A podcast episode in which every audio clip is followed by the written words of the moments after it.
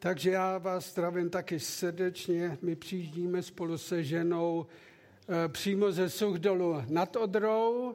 Pro nás přijel náš brácha a, a eh, já jsem tam my jsme tam byli na Moraviánu, tam jezdím každý tři roky, já tam mám vždycky přednášku a ty přednášky jsou všechny, všechny na mém webu, takže eh, je to zajímavý. Mluvil jsem o tom, jak Komenský jel na ostrov svatého Tomáše v karibské oblasti a zachraňoval tam svý Moravany a eh, skrze ně eh, přiš, přišlé, přišlé otroky zachraňovali z vězení a to se mu povedlo. A no jo, tak jsem tady teď, abych vám podal trošku jinou zprávu, jak řečeno, jak správně reagovat v krizích. Myslím, že nejpozději ve čtvrt na po jedenáctý bych měl končit. Je to tak správně, brácho? Takže to je dobrý s těma hodinama. Tak. Jak správně reagovat v krizích? No ty si řekneš, no já žádný krize nemám, to zní tak nějak tvrdě. No v těžkostech, v problémech, to taky, ne? Ale jsou někdy tak silné těžkosti, že jsou to krize. A takové silné těžkosti měli ty Izraelité, když vycházeli z Egypta a když na ně, za nima šli eh, egyptský vojska, aby je zlikvidovali, protože byli eh, se jim nelíbilo, tomu faranovi se nelíbilo, že mu vzali tolik věcí a sami krávy měli sebou a vovce a, a dostali dary od těch egyptianů a to všechno, to, s tím měl problémy, tak poslal vojsko. No, ale um, oni šli po suchu skrz moře, nebo Rákosové moře. Podívám, začne sem, začneme exodem 14, 29 až 30, ale synové Izraele šli po suchu uprostřed moře a vody jim bylo, byly hradbou napravo i nalevo. Onoho dne hospodin zachránil Izrael z moci egyptianů. Izrael viděl egyptiany mrtvé na břehu moře. Takže to nebyl vůbec žádný problém a žádná krize, to bylo předtím, jak to dopadne, ale pán mocně zasáhl, takže tohle řešení eh, té krize to učinil pán eh, prostě mocně úplně. A oni jenom koukali, co se tam dělo. Oni šli po, eh, oni šli po suchu uprostřed moře. Exodum 14.31 říká, tak Izrael viděl velikou moc, kterou hospodin ukázal na egyptianech. Lid se bál hospodina a uvěřil otroku, o, uvěřil hospodinu a jeho otroku Mojžíšovi. Veliký průlom. Vůbec žádný problém. Ale jak brzo uvidíme, ten problém vznikne hned potom. Takže problémy přijdou, i těžkosti. Sourozenci, my musíme vědět, co dělat. Jaký postoj musíme mít v sobě, abychom prorazili. Jo? A pán si používá těžkosti a problémy, aby nás vychovával, abychom šli kupředu, abychom e, rostli duchovně. Hm? Židům 11.29 říká, vírou prošli, po, e, prošli rudé moře jako po suché zemi, když se však o to pokusili egyptiané, moře je pohltilo.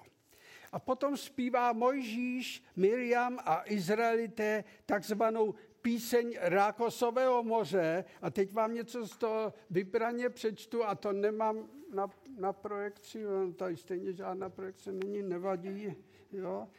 aspoň ji nevidím. Eh, to vám přečtu přímo z Bible, čtu eh, studijní český překlad. Tak ze začátku, verše, eh, je to Exodus 15, 1 až 2, jenom vybrané verše. Tehdy Možíš a synové Izraele zpívali hospodinu tuto píseň. Budu zpívat hospodinu, protože se slavně vyvýšil. Koně s jezdcem uvrhl do moře. Má síla a píseň je hospodin. Stal se mou záchranou. On je můj Bůh. Budu ho oslavovat. Bůh mého otce, budu ho vyvyšovat. Takže to jsou ty dobré pozice. To je dobré děkovat Bohu a vyvyšovat ho v problémech nebo po vyřešení problému. Ale uvidíme, že bude dobrý ho vyvyšovat taky v problémech, ale k tomu přijdem. Teď ještě 16 až 18, Exodus 15, 16 až 18. Padne na ně hrůza na ty egyptiany a strach pro velikost tvé paže strnou jako kámen, dokud nepřejde tvůj lid, hospodine, dokud nepřejde lid, který si získal. Přivedeš a vysadíš je na horu svého dědictví, na místo, které hospodine připravil ke svému bydlení, do svatyně, paní, panovníku, kterou založili tvé ruce. Hospodin, a to je důležitý več, hospodin bude královat na věky a navždy, říkají ti to zachránění Izraelité. To je postoj, základní postoj. Jo? To si zapamatujeme. Ještě jednou, hospodin bude královat v tvém životě na věky a navždy. A ještě nakonec eh, verše 20 až 21. Tu prorokyně Miriam, sestra Áronova, vzala do ruky tamburínu a všechny ženy vyšly za ní s tamburínami a s tanci. Miriam s nimi zpívala, zpívejte hospodinu, protože se slavně vyvýšil, koně i s jezdcem uvrhl do moře. Takže tam bylo fantastické schromáždění, za nima už se ta voda zase uzavřela, eh, egyptský vojáci už nebyli, oni byli na suchu a eh, totálně vzývali a chválili svého Boha. Po třech, třech dnech, tak rychle to může jít, třeba po hodině dokonce. Jo. Po třech dnech se děje ale následující. Exodus 15, 22 až 25. Mojžíš pak vyvedl, ještě eh, takový sohoron, vyvedl Izrael od Rákosového moře a vytáhl do pustiny Šůr. Pustinou šli tři dny a nenalezli vodu. Pak přišli do Mary, ale nemohli vodu z Mary pít, protože byla hořká. Proto se nazývá Mara, hořká. A lid reptal proti Mojžíšovi. Samozřejmě si našli někoho úplně přímo proti Bohu nereptali, ale oni reaptali, reakovali, reptali taky proti Bohu. Ale vždycky nějaký ten vedoucí to odnese. No. Tak proti Mojžíšovi, co budeme pít? Mojžíš tedy úpěnlivě volal k hospodinu a hospodin mu ukázal dřevo, které hodil do vody a voda zesládla. Tam jim předložil ustanovení a nařízení a tam je zkusil. Nepokoušel mimochodem. Jo? K tomu budeme nakonec něco e, povídat. Izrael kolísal na jedné straně mezi vírou a bázní boží, to je to s tím strachem, to je bázeň boží, to je. Ne? Žádný strach, jako my nemáme strach z Boha, my máme bázeň před Bohem. On je veliký.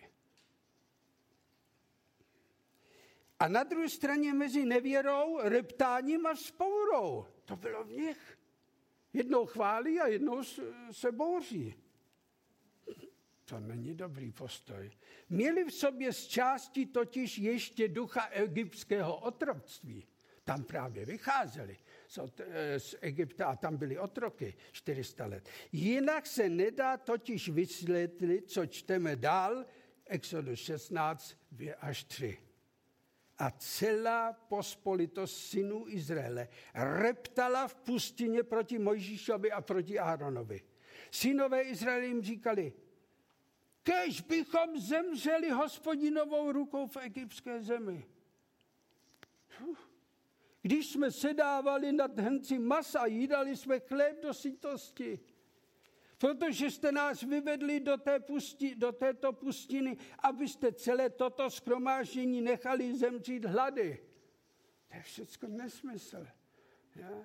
To, to byly sebevražedné myšlenky. Ať radši, kdyby jsme umřeli při tom, při tom eh, masu a při tom chlebu. Jo? A kež bychom eh, dřív už zemřeli hlady. hlady.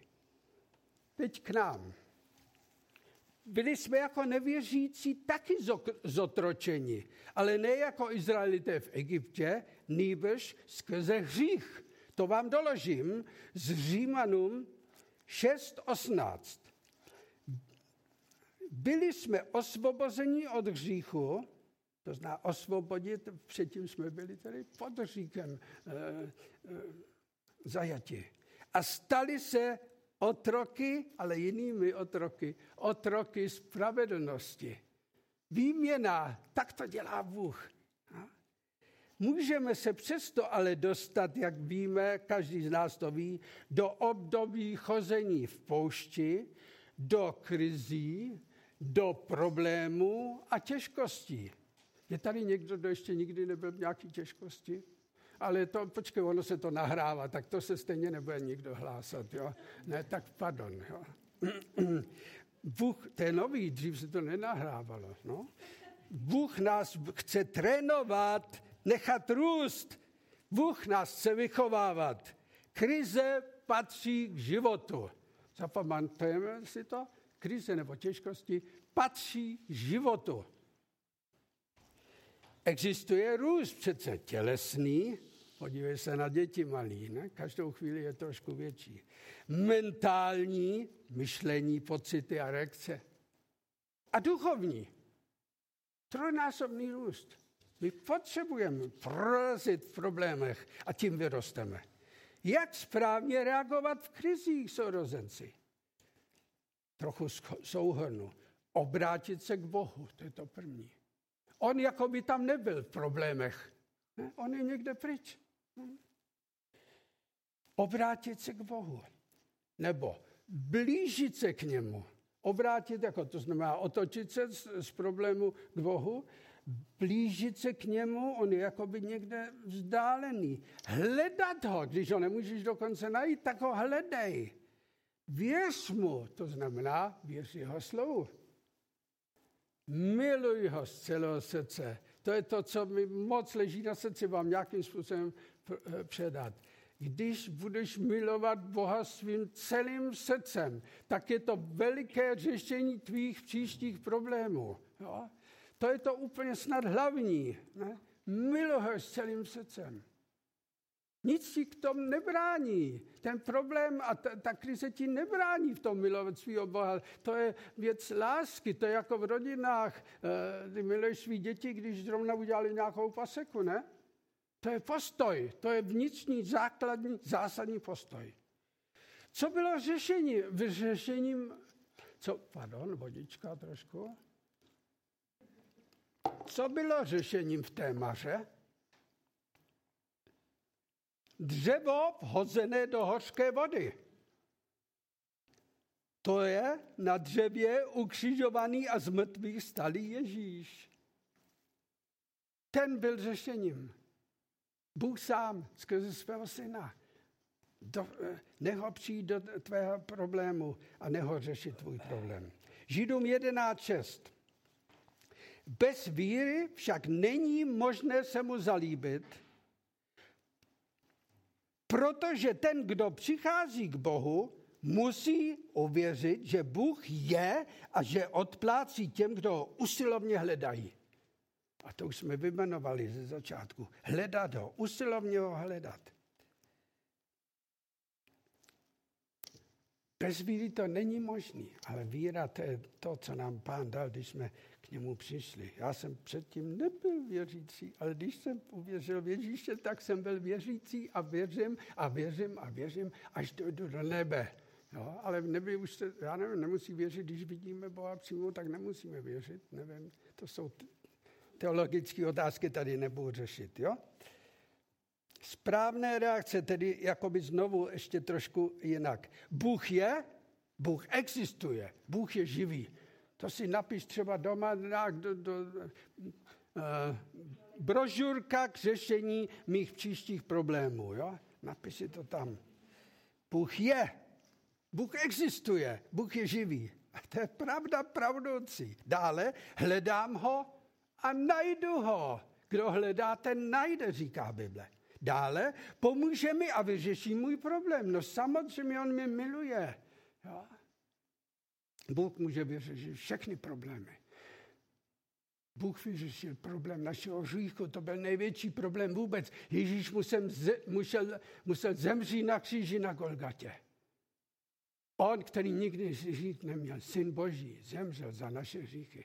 Tím vyřešil náš největší problém. Jsem věřící a ne nevěřící, je další správná reakce. Věřím jen, to stojí v Lukášovi 8.50. Věřím jenom. Nevě, ne, ne, ne, ne, nevěřím, věřím jen. Filipen, Filipským 4.19. Můj Bůh naplní všechnu vaši potřebu podle svého bohatství v slávě v Kristu Ježíši. On to udělá. Naplní všecku moji potřebu. On vyřeší všechny moje problémy, i když třeba ne hned. Římanům 8.28. Víme, že těm, kteří milují Boha, všechny věci spolu působí k dobrému těm, kdo jsou povoláni podle jeho předsevzetí. Takže vidíš tady ten základ, jak jsem to tak nazval tím základem úplně. No, těm, kteří milují Boha. No, všechny věci spolu působí k dobrému. Teď se podívám na jeden další biblický příklad, to je Josef. Josef měl sny a vyprávěl, vyprávěl je dost necitlivě své rodině. Jeho otec ho upřednostnoval, dal další problém, udělal mu takovou suknici vyšívanou, to ostatní neměli, on měl, já nevím, velké množství bratrů. Jo, otec mu udělal suknici. Jeho bratři na ní žárlili.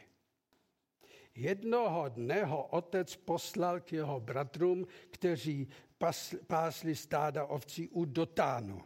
Bratři ho už dálky poznali, hele, tady to je on, to je ten Josef, jo? Tam to viděli a radili se.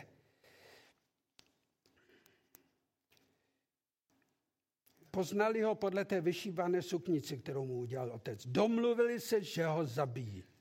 Sice ho nezabili, ale vhodili ho do prázdné cisterny. A potom ho prodali Ismailitům, kteří táhli na velbloudech do Egypta.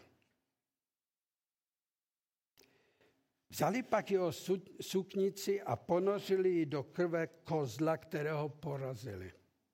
Skrvavenou suknici pak přinesli otci a říkali, řekli mu, podívej, co jsme našli, je to suknice tvého syna, nebo není? Doslova tak. Jo? Jinak, kdybych nebyl mezi křesťany, bych řekl, to byli pěkní sičáci, ne? Ale já řeknu jenom, to byli pěkní podvodníci, ne? to je hrozný.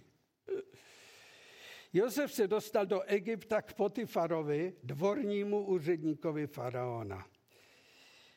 Sloužil mu věrně a on všude, kam přišel, tam sloužil věrně, Potif, ale Bůh musel ho nějakým způsobem ještě, ještě zpracovat, pokud je ty, takový ty sny, co vyprávěl, tak nahlas před těmi eh, brácha, před tím otcem a rodiči a před bráchama.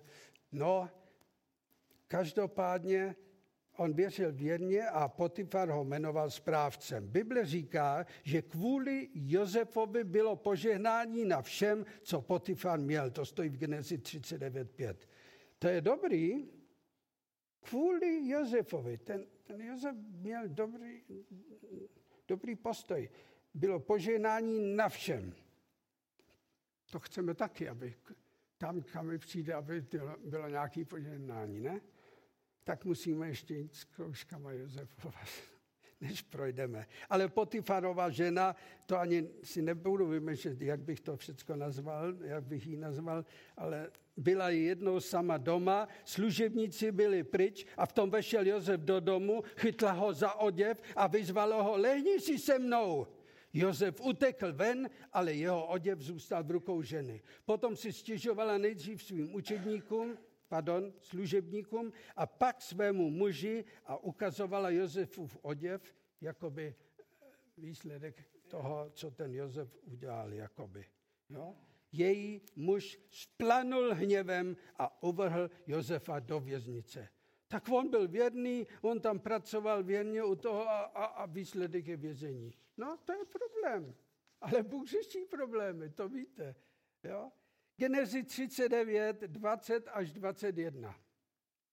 Vzal ho, do věz, vzal ho a uvrhl do, ho do věznice, do místa, kde byli uvězněni královští vězni. Tam se ocitl ve věznici.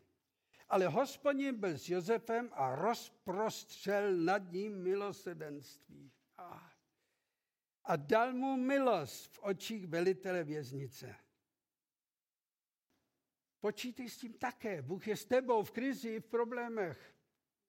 Když jsi jeho, když mu patříš. Třeba se zdá, že je Bůh daleko, ale přibližuj se mu ty. Později Josef ve zvězení propuštěn, tam byla ještě jedna věc s těmi eh, jinými spoluvězni, kteří mu něco slíbili, že se přimluví krále, když něco a tak, a, nikdy, a nepřemluvili se, takže další problém. On tam zůstal další měsíce, nejmí měsíce. A později je Josef ale z vězení propuštěn a stává se dokonce vládcem celého Egypta. První zástupce faraona, jenom faraon byl nad ním. Potom se setkává se svými bratry a zkouší je.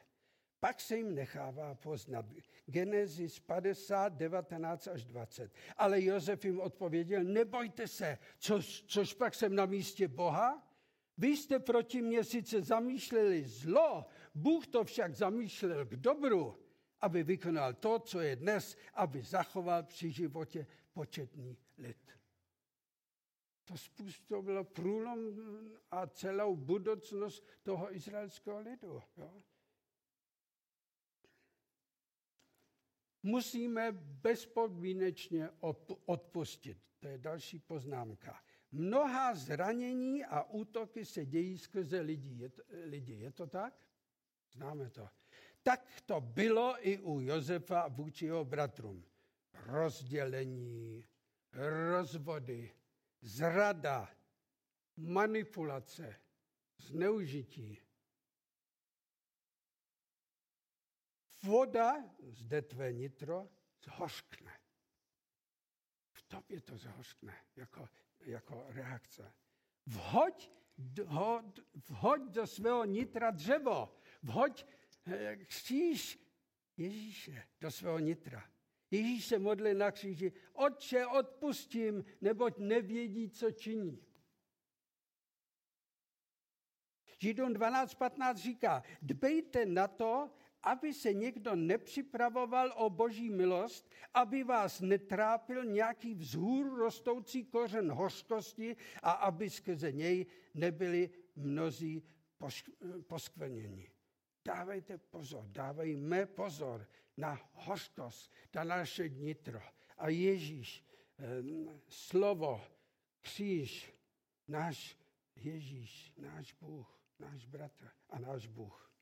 Jenom ještě na závěr k pokušení, mám dvě minutky, chci poznamenat podle 1. Korinským 10.13, Eh, následující, nezachvátilo vás jiné pokušení než lidské. Věrný je však Bůh, který nás nenechá zkusit více, než snesete, ale se zkouškou dá i východisko, abyste ji mohli nést. Sám Ježíš, veden duchem svatým do pouště, byl pokoušen ďáblem. Lukáš 4, 1 až 2, to víme. Ježíš pak plný ducha svatého se vrátil od Jordánu. A kdo ho vodil pustinou a kdo, kdo ho pokoušel? Duch ho vodil pustinou 40 dní a ďábel ho pokoušel. Přesně rozlišovat, prosím vás. No. Lukáš 4.14. Ježíš se v moci ducha vrátil do Galileje a pověst o něm se rozšířila po celém okolí. A jako po poslední verši, Jakub 1, 13 a 14. A nikdo, kdo je pokoušen, neříká, jsem pokoušen od Boha. Bůh nemůže být pokoušen ke zlému a sám také nikoho nepokouší. Bůh nikoho nepokouší. Každý, kdo je pokoušen, je strhávan a váben svou vlastní žádostivostí. Já bych se chtěl, chtěl krátce pomodlit. Oče, ve jménu Ježíše Krista my přijímáme toto slovo. My eh, ti děkujeme za to, eh, že tvé slovo má takové obsahy, takové, takové masivní a pravdivé, taková masivní a pravdivá řešení. A tak, jak jsem měl řešení pro Izraelite, tak máš i řešení pro nás. To chci vyslovit za jedno každého z nás, pane, za mě, za mě samotného taky. A my k tomu potřebujeme tvoji milost, ale tvoje milost eh, je naprosto přítomná. A my ti chceme říct, že tě milujeme úplně z celého srdce. Haleluja. Amen.